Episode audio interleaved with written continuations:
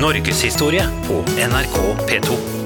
Hvordan ble de første trykte bøkene mottatt i Danmark-Norge? Det er en dramatisk historie om rå maktkamp, bokbrenning og streng sensur. Med meg for å fortelle denne historien har jeg forskningsbibliotekar ved Nasjonalbiblioteket, Bente Lavoll, og professor i historie ved Universitetet i Oslo, Hilde Sandvik. Velkommen hit. Takk. Takk.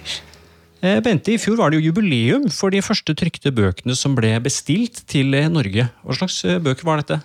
Det var en messebok som skulle brukes på sønn- og helligdager og festdager, og den skulle ligge på alteret. Og så var det en, et breviarium. Det var en liten bok som alle prester skulle ha med seg når de gikk rundt i kirkene og hadde de åtte sånn, døgnlige tidebønnene. Men Hvor stort var opplaget på de Ja. Det er jo det store spørsmålet. For Erik Valkendorf ønsket jo å standardisere liturgien i eh, hele erkebispedømmet. For tidligere så brukte de jo eh, de brukte eldre, håndskrevne bøker som var vanskelig å lese. De var uaktuelle. Gudene vet hvor de hadde fått de fra. Men de hadde mye rart. Men tilbake til hvor mange de var. For de alle skulle ha. Det skulle være en standard. En kontroll av liturgien. Og så er det et estimat, og dette er veldig et estimat, på 1500 kirker. Og av breviariet, den lille håndboken som prestene skulle gå rundt med å ha i hånden, da måtte de ha flere. Mange kirker var det mange flere prester, så da måtte alle ha hver sin. Så da er estimat, og dette er igjen estimat, 1800. Ja, jeg tenker For oss eh, i dag så tenker vi liksom på 1800 bøker virker jo ikke som veldig eh, fantastisk eh, antall. Men bare for å sette liksom i perspektiv, hvor revolusjonerende var den trykkekunstteknologien? Altså Hvor lang tid ville det tatt å skrevet 1800 bøker for hånd? Jeg vet ikke, jeg tenker De hadde kanskje holdt på ennå. Eh, Nei, det hadde jo tatt veldig lang tid. Ja, Det hadde jo det. ja når, Jeg husker ikke det i hodet. Når er det Gutenberg som først begynner å få dette trykket Ja, det er, på, på plass? Gutenberg er jo han er gullsmed, han er i Mainz, så han kan lage disse bokstavene fordi at han jobber med metall. Og han eh, holder på mellom 1440 og 1450. Så lager han forskjellige trykk, og det mest kjente er jo Gutenberg-bibelen, som kommer i 1445. Eh, Hilde, eh, hvordan tror du det føltes å stå med liksom, en trykt bok i hånda for første gang? Var det litt som å liksom, holde en smarttelefon i hånden for første gang, eller var det en litt sånn glidende overgang fra skrevne bøker til trykte? Det var nokså gjenkjennelig, tror jeg. Men eh, det, det som kanskje var litt mer spennende, eh, det må jo ha vært alle disse pamflettene og småtrykkene som etter hvert begynte å komme rundt. Og det er nok mest Tyskland, Danmark og sånt noe, men sant, hvor man produserte at paven var Babylons skjøge, og altså sånn virkelig skandaleskrifter. Vi vet vel ikke så mye hvor, om sånne ting, hvor mye det har gått omkring i Norge, men Himmelbrev begynte etter hvert å komme, altså veldig mange ulike sjangre. Så bøkene, de der flotte bøkene, er én ting, men de andre sjangerne eh, Små katekismer som du kunne ha i lomma, illustrerte, fine. Ja, det har vært eh, en stor eh, altså et stort spekter av bøker. Kanskje det, er, kanskje det er noe av det aller viktigste med trykkekunsten fra et sånt eh, allment sosialhistorisk perspektiv. da. Trykkekunsten ga jo kirken en mulighet til å standardisere, men den åpnet jo virkelig for nye retninger som kunne produsere disse pamflettene og få ut sitt syn. For sammen med disse pamflettene, eller sammen med reformasjonen, så kommer jo en større interesse for folkespråkene. Vil si altså tysk i Tyskland og norrønt eller norsk i Norge. Eh, Så da ble jo, det ble oversettelser. Og da er det jo veldig sånn som Martin Luther i Tyskland gjør, i Wittenberg, der han før og Han skriver disse her 95 tesene som han setter på kirkedøren i Wittenberg i 1517, som på en måte er bruddet med kirken. Og han fortsetter jo med dette her å lage pamfletter. Og han skriver på tysk, og han skriver et tysk som er veldig lett å skjønne for vanlige folk. Han skriver direkte, og han bruker ord som er kjente. For eksempel, han oversetter jo også bibler. Og det han gjør når han, skal, når han forteller om slangen, ikke sant, så alle kjenner i Edens hage, denne slangen, så kaller han han huggormen Ja. her. ikke sant? Huggormen det er et ord jeg kan kjenne igjen. Ha. Den onde huggormen. Så igjen da blir djevelen i Johannes' åpenbaring.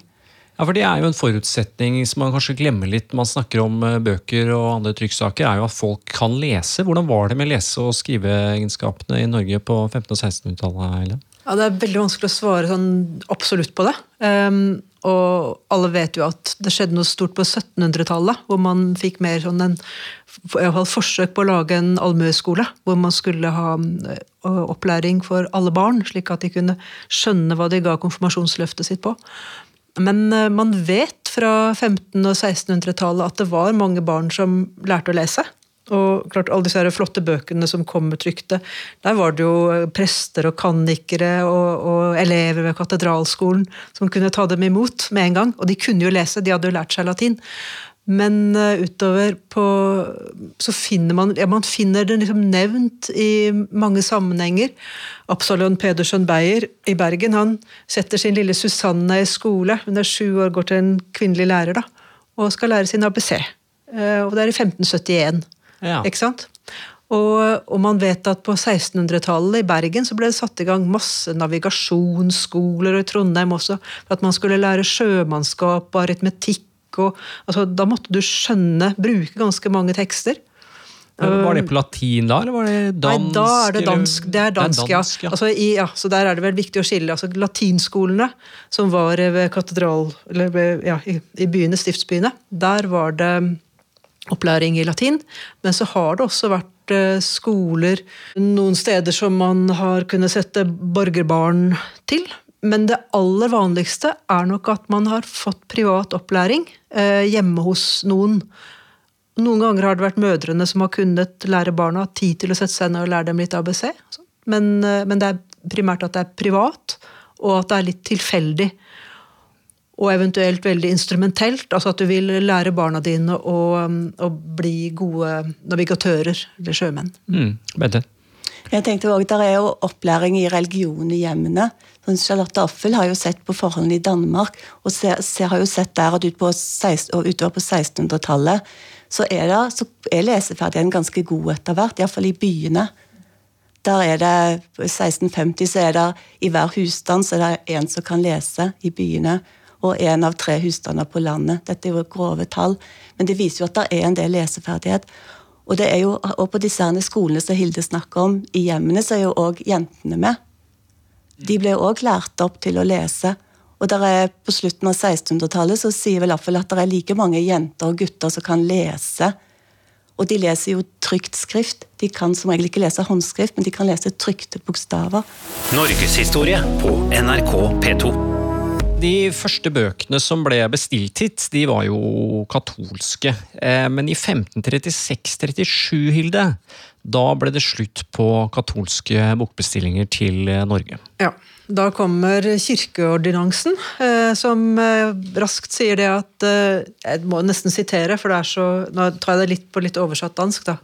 Efter de der ute i denne tid utgår mange skarns bøker, av hvilke ei alenes de uforvarende og vankundige, men en og de eh, de eh, som fullvel forstår seg, ofte forgives, altså at man blir narra på vei, så må det bestemmes klart hvilke bøker som skal være i kirken. og Det er Bibelen, og så er det Morten Luthers ting, og så er det noen ting ja, Du kan sikkert ramse opp dette her, Bente. ja, for altså, På enkelte på kontinentet så er jo reformasjonen som grasrotbevegelse, hvor ja. man benytter seg av bøker og liksom sprer tekster og sånn på, fra grasrota, litt sånn i Martin Luthers ånd. Her kommer den til Norge med krigsskip. Ja. Reformasjonen, rett og slett. Ja. Det, men Fortell den storyen for de som ikke kan den. Da er det altså danske kongen, ja. Kristian 3 han, han, er, blitt, han er til stede på um, Riksdagen i Worms og, og, hører Luther, der Luther sier at uh, jeg, jeg, kan ikke annet, og det er troen alene. Og så er han overbevist lutheraner, så han går veldig sterkt inn for at han altså, han, er, han er lutheraner, han vil at Danmark skal bli protestantisk. Og når Riksrådet, som egentlig har suvereniteten altså i Danmark, eh, skjønner at tronpretendenten er lutheraner, så vil ikke de eh, gjennomføre kongevalget. Og så blir det en borgerkrig i tre år i Danmark. og Da styrer Norge seg sjøl litt på egen hånd og prøver å lage mange andre allianser, bl.a. med keiseren. som er, ja. Men, men i hvert fall enden på det blir at Kristian 3. seirer fengsler biskopene i Danmark. Lager et riksråd som det er bare med han og adelige. Og eh, gjennomfører da reformasjonen i Danmark, og så han med, sender han krigsskip oppover til Norge. Og Olav Engelbrektsson, som har vært erkebiskopen her og leda riksrådet, også hatt valgt suvereniteten i Norge, eh, flykter. Mm. Så det, er det reformasjonen blir innført med, med makt? Med makt. Ja. Og også fordi at det, er laget så stort eh, en sånn slags revolusjon fra ovenifra. Når du ikke har fotfolk, da må du så klart gjøre det litt eh, pragmatisk. så Derfor blir alle biskopene omskolert eller avsatt. Og alle prestene får lov å fortsette i embetene. Men kongen tar da rett og slett all den jorda som har hørt til kirka, og slår under seg. Og så må liksom noe av det så klart brukes til å holde kirker og sånt ved like. Men eh, men eh, resten går til han. Så han ble eiende over halvparten av jorda i Norge, eier nå kongen. Ja, også, Men han rana vel en del av de ulike klostrene og sånn. Det ble mye som ble revet. Hvordan gikk det her utover bøkene? vet jeg? Det vet vi kanskje ikke så mye om hva han gjorde med bøkene. Han tok jo og ranet nonneseter i Bergen, f.eks. Det var, vakte stor oppstandelse. Men vi vet jo at de brant bøker. Det sier jo kilden at de gjør. Og det som en har sett i Nidaros, eh, det er jo at det har gått gjennom opptegnelser, senere opptegnelser over hva de hadde for noe. Og der har de jo sett at det, det mangler en del bøker der som burde ha vært der. Og det er litt betenkelig, for det som mangles, det er bøker på latin som handler om Norge. Altså Norge før reformasjonen, da Norge var et selvstendig land. De mangler, og òg norrøne bøker om Norge. Og det er jo litt mistenkelig. Ja, At man da prøvde å ta ut det som kanskje kunne være en sånn norsk identitet. Av, det var jo noe ja. av strategien her. På en måte Det Oldenborg-kongene gjorde. De ville på en måte ta den norske arve- eller kongerekken og føre over på seg selv. Ja. Sånn at arverekkefølgen gikk rett fra de norske kongene til oldenborgerne. Ah. Det er på en måte det er seierherrene som eier historien her. Så det er jo et kupp av Norges stolte historie. Og de tar jo òg Magnus Lagerbøters landslov den tar de jo og gjør om til Kristian 4.s lov. Norske lovbok som kommer ja. ja 1604. Ja. Så de tar og kupper en del av det som var bra i Norge. Og de gjør jo noe av det samme på Island, med skriftene der. Mm. Men eh, Vi hørte jo om den eh, eh, lovgivningen her hvor man ikke likte de ulike bøkene. Hva ble liksom den offisielle bokpolitikken etter 1537? Hvem var det som fikk lov å trykke hva? Ja, Det bestemmes veldig raskt at um, bøker skal da gjennom sensur, og det blir Universitetet i København som får oppgaven å sensurere. Og det er forhåndssensur? Forhåndssensur. Mm. mm. Og så er det bokhandlerne. De er da de som har privileg. Men uh, likevel, da, så en ting er jo eh, lover, det er jo alltid normer. Og man skal jo alltid se på om det faktisk kan ha sirkulert flere ting enn det. Og det har det nok gjort. Antagelig har det vært bokhandlere som har dratt rundt. Man har sett av skiftene etter geistlige at de har hatt mange bøker fra mange andre land rundt omkring i verden. Så det har jo kommet bøker til Norge på forskjellig vis. Og mange av de boksamlingene har jo også blitt realisert. Altså, en grunn til at jeg veit om dem, er at de har blitt solgt for å ja, at arvingene skal ha inntekter. Og det betyr at noen har kjøpt de bøkene, så de bøkene har blitt spredt rundt omkring. Så, så, derfor så må man jo tenke at eh, det kan ha vært flere, flere veier inn, da. Mm. Og vi skal kanskje også legge til at uh, um, Oslo-humanistene, altså humanistene som vi pleier å kalle dem, altså disse lærde rundt ved katedralskolene, uh, de uh, skriver så klart bøkene sine på latin, men også norske kongesagaer og sånt på rim da, for skoleunger. Og de gir dem ut i Rostock. Så det er ikke alle bøker som blir gitt ut um, i København. Ja. Mm, ja. Eh, men man, eh, er, det, er, det, enklere å få ting gjennom i eh, Tyskland Rostock, enn det er i København? Er det et strengt sensurregime som er altså, Danmark i København? Danmark er nok sterkt ja, eller det, Måten man kom seg unna den, katolske kirkens indeks, eh, forskjellige sensurregimer i tyske forskjellige stater Tyskland er jo 300 forskjellige stater. Det er jo at du trykker en bok i en stat, og så selger du den i en annen der det er forbudt. Altså, du driver og flytter den fram og tilbake over grensa, og noen ganger er det bokbål, og man kan bli fengsla for det. Og det er liksom det å leve under sensur. Men, eh, men det at man har um, prøvd å benytte seg av muligheten til å trykke andre steder, da, det er nokså sikkert. Mm. Luther ville jo ha Bibelen til folket. Var det politikken til Kristian 3. også? Ja, den skal, den skal, jo da ut til alle. Men der, der, er det jo veldig interessant nettopp at den kommer på dansk. ikke sant? Fordi at uh, i Finland så får du en på finsk, i Sverige en på svensk, i Tyskland på tysk, så klart. Danmark på dansk og islandsk på islandsk. Men i Norge på dansk. Og det betyr at vi får ingen normering av det norske, norske skriftspråket.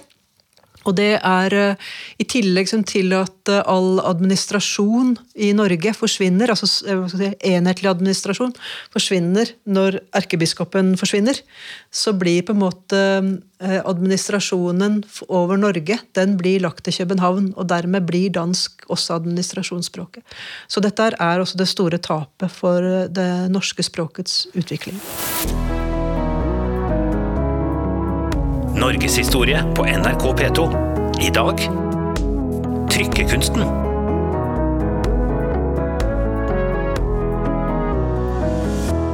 Den første norske trykkpressa den ble oppretta i Kristiania i 1643 eh, med kongens tillatelse. For tillatelse det skulle man ha. Var det relativt eh, sent i nordvesteuropeisk eh, sammenheng? Ja, det er kjempeseint. Og det er bare så vidt den eksisterer. Altså den, den, får en tillatelse ved, ved katedralskolen, er det ikke det? Også, ja, Hannibal C-sted ja. foran ja. ja, Bakershus. Så det er, det er jo sent. Det er sent når en tenker på en måte at det ble trykket bøker på Island i 1540. Wow, ja. ja ikke sant? Men når de får trykket det i 1643 i Norge, så er det jo et poeng at Norge Eller det er jo ikke Norge, det er Kristiania. Og Kristiania er provinshovedstaden i Norge. Så Kristiania er en provinsby. Så på en måte når en tenker hvis alt skulle sitte i, alt skulle trykkes i København, og så kommer provinsen i tillegg, så er det ikke så veldig I Århus så kommer det i 1614 til 51, og ja, i Ribe 1587-92. Så på en måte etter den sentraliseringen så er Kristiania ikke så håpløst. Og det sier jo hvor strengt det var. Ta, ta, Bergen, da, som i denne perioden eh, jo er en rik, eh, relativt rik handelsby. Mye kontakt med, med, kontinentet. Er det ikke snodig at de ikke altså De får må inn på 1700-tallet før de får første pressa si? Er ikke det veldig rart? Det er jo fullt av tyskere der. Veldig rart. Ja. Bare, Nei, det er, det er politikk. Mm. Men, men, nå må vi huske på at det foregår jo masse Det er en stor skriftskultur, og den foregår jo per hånd. ikke sant? Eh, fordi at eh, alle dem Fra den tida her fortsetter jo den store, stolte tradisjonen fra middelalderen, eh, som er at du har kjøpekontrakter, pantebrev, arveskifter, dommer, lagmannsdommer, og folk har tatt vare på det, fått utskrift av tingboka, eller fått utskrift av dommene, og tatt vare på det i brevkister. Og i tingbøkene så kan man fra 1600-tall, og så er det massevis av det. Hvor folk, naboer kommer med hver sine brev, og så holder de opp mot hverandre og 'Nei, mitt brev er eldre enn ditt', og 'se, dette er flere vitner', og sånn. Og dommerne stå, må stå der og ta stilling til det. Så det er en, det er en stor sånn skriftkultur, hvor de skriftfester uh, veldig viktige ting altså, som dreier seg rett om ja, næringsgrunnlag og produksjonsmidlene og retten til gårdene og beiter og fjellvann og skauer og fiskeplasser og jeg vet ikke hva. Mm, ja, det er jo kanskje fort å glemme når vi snakker om liksom, trykte eh, ja. skrivesaker. sånn at skri, altså den, ja. Folk fortsatte å skrive for hånd. og det er kanskje i volum så var det nesten viktigere fortsatt. Da, og, der, og det, nettopp fordi at det er så viktig. ikke sant? Og tenk på det, så kunne de regna jo De hadde jo sånn landskyld. Alle kunne brøk. Det er jo sånn kvarte lauper og sekstendelsbrøker, og hvor mange det er i forhold til en fjortendels hud og jeg vet ikke hva. Nei, kanskje ikke en 16-dels hud, men iallfall skikkelig vanskelig brøkregning. Og, og dette her er kjempeviktig. Eh, for det inngår i alle mulige transaksjoner. Så, og det ser en, at folk har beherska dette her og prøvd å lure hverandre. Og, ja, så det, det, å kunne det har vært veldig viktig.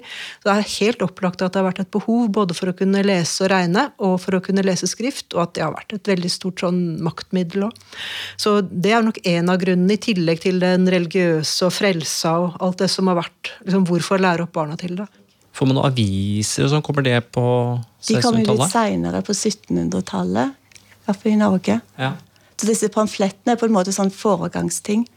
Men de var vel interessert i nyheter også på, på den tiden? Hvordan holdt de seg oppdatert på ting og tang som skjedde nedover på kontinentet?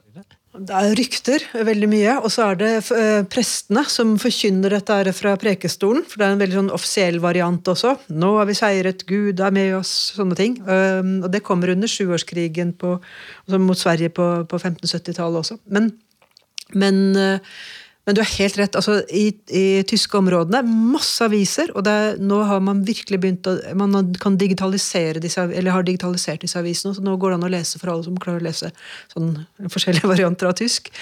Eh, fra 1600-tallet. Og der er det mm, informasjon og desinformasjon en masse. Og det handler om tsaren og sultanen og alle mulige som skal komme, og kalver som med to hoder, og det er ikke måte på. Og disse avisene har man også fått tak i og blitt spredt rundt oppover til Danmark, og dermed uh, sjøveien da, også til Norge. Så Derfor så har man fått også de der tyske avisene opp til oss. Men der har det vært mye av det. Og Alton og Hamburg har da vært to sånne steder hvor det har virkelig nyhetspressen har gått. Mm. Og det at korrespondenter, eller noen som har sendt dem opplysninger i de forskjellige by, eh, hovedstedene rundt omkring. Så de kan skandalene som har skjedd ved hoffene rundt omkring.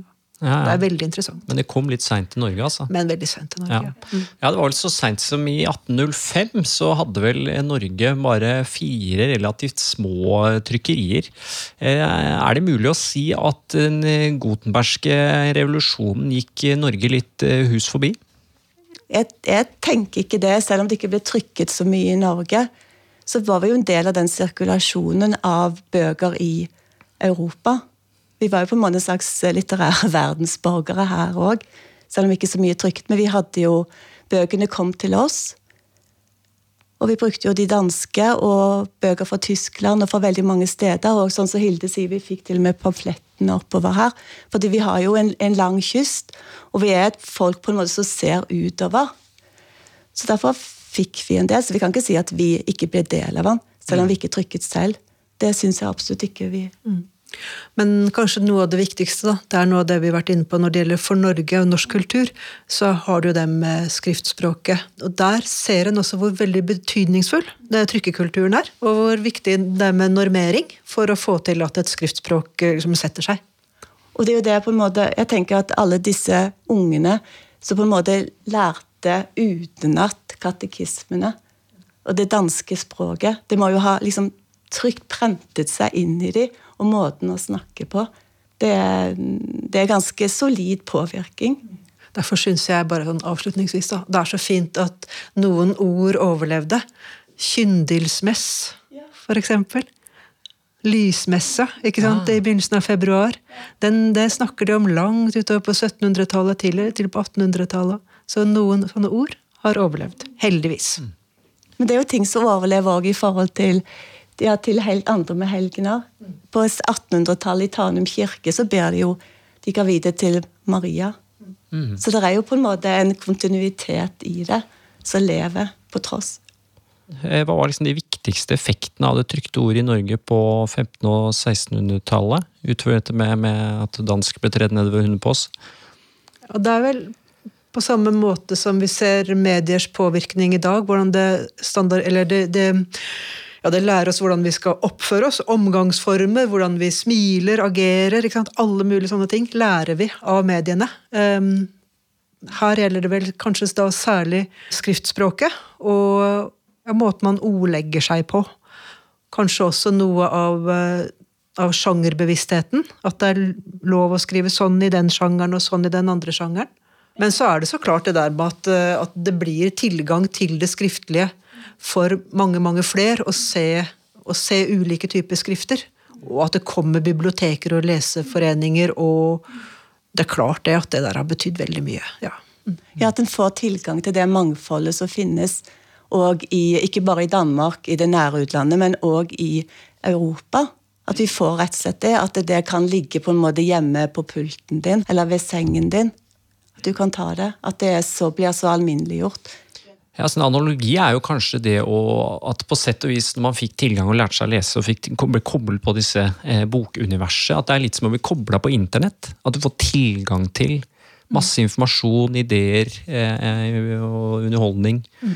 eh, som man ikke er koblet til, ikke var koblet til eh, tidligere. da. Felles referanser eh, på en veldig, veldig interessant måte. Man kommuniserer med bilder. altså alle jeg har vært tatt studenter med ned til Bente på, på Nasjonalbiblioteket, og hun viser dem f.eks. hvordan tegninga av, av, Noah eh, kan da illustrere veldig godt eh, Noah som ligger drukken, og to av sønnene vender seg bort fordi at de ikke skal avsløre farens skam, men en står og ler av han. Det illustrerer det fjerde budet. Ja, det gjør det. Du skal hete din far og din mor uansett. liksom. Samme hvor, samme hvor dårlig og skrøpelig hun er, det skriver eh, Luther sjøl i forklaringa til det fjerde budet. Hilde Sandvik, Bente Lavoll, tusen takk skal dere ha. Du lyttet til serien Medienes stemmer og maktens sensur, produsert av Norgeshistorie ved Universitetet i Oslo. Mitt navn er Anders Brenna, og ansvarlig for denne serien er Ellen Katrine Lund.